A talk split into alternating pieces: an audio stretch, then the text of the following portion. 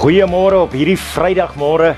Ons het in hierdie week gepraat oor nederigheid en ek wil graag vanmôre met jou praat oor wandel hierdie pad van nederigheid. Ons gaan lees in Matteus 5 vers 5 en hoor wat sê die Bybel in Engels vir ons. Hy sê God blesses those who are humble for they will inherit the whole earth.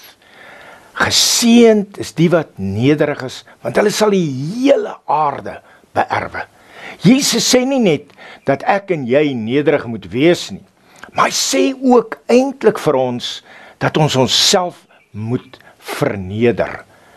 Dit beteken dat daar maniere is wat ek en jy kan beoefen om nederigheid in ons lewe te kan bevorder, te kan laat groei.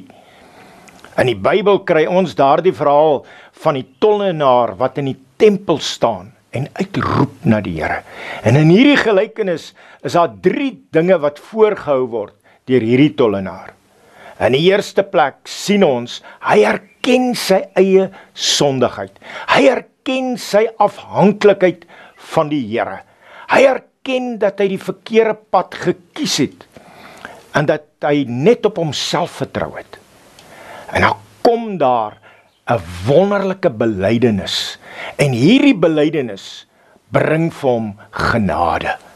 Die Bybel sê vir ons in 1 Petrus 5 vers 5, hy sê die nederiges sal genade ontvang, maar die hoogmoediges sal weerstaan word deur God. En deur God se genade ontvang ek en jy vergifnis. Is dit nie wonderlik om vanmôre te weet dat daardie vergifnis stel my in staat om vry te kom. Ek word vergewe. En ek word nie net vergewe in my eie hart nie, ek word ook vergewe om my in staat te stel om ander mense te kan vergewe. Ons probeer soms om goed te wees sonder om eers te probeer besef dat die goedheid en die krag van God ontvang word.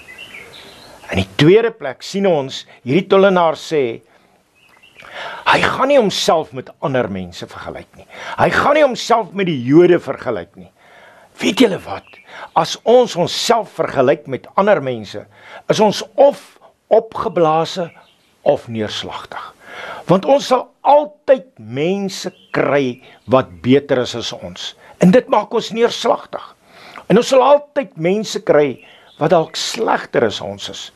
En dit laat ons goed voel oor onsself.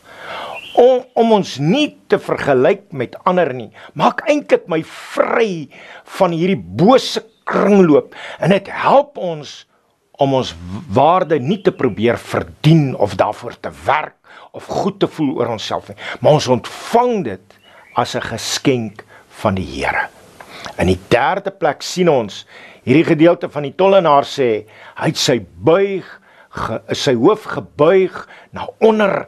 Hy het op sy bors geslaan en op die grond gekyk. Hy kyk nie met trotse oë af op ander nie. Hy minag niemand nie. Hy sien homself vir wie hy is en hy sien homself as een met die ander mense. Ons het soveel in gemeen met mense rondom ons. Ons het almal pyn. Ons almal probeer dikwels en ons misluk dikwels. Ons almal het iets goeds in ons. Die Bybel sê die beeld van God. En dit is iets wat ek en jy kan vier. Ek kan ook die uniekheid van God in ander mense vier. Anders as ek, dalk beter as ek. Maar ek dank die Here daarvoor. Hierdie tollenaar kom vertel vandag vir ons ek en jy moet ons eie gebrokenheid, ons eie foute erken en bely. Ek en jy hoef ons self nie te vergelyk met ander mense nie. En ons kyk nie neer nie. Kom ons bid saam. Here, wat 'n voorreg om hierdie pad van nederigheid te bewandel. En onsself te sien deur u oë. Seën elkeen van ons in Jesus naam. Amen. Die Here seën jou. Gaan leef vir die Here.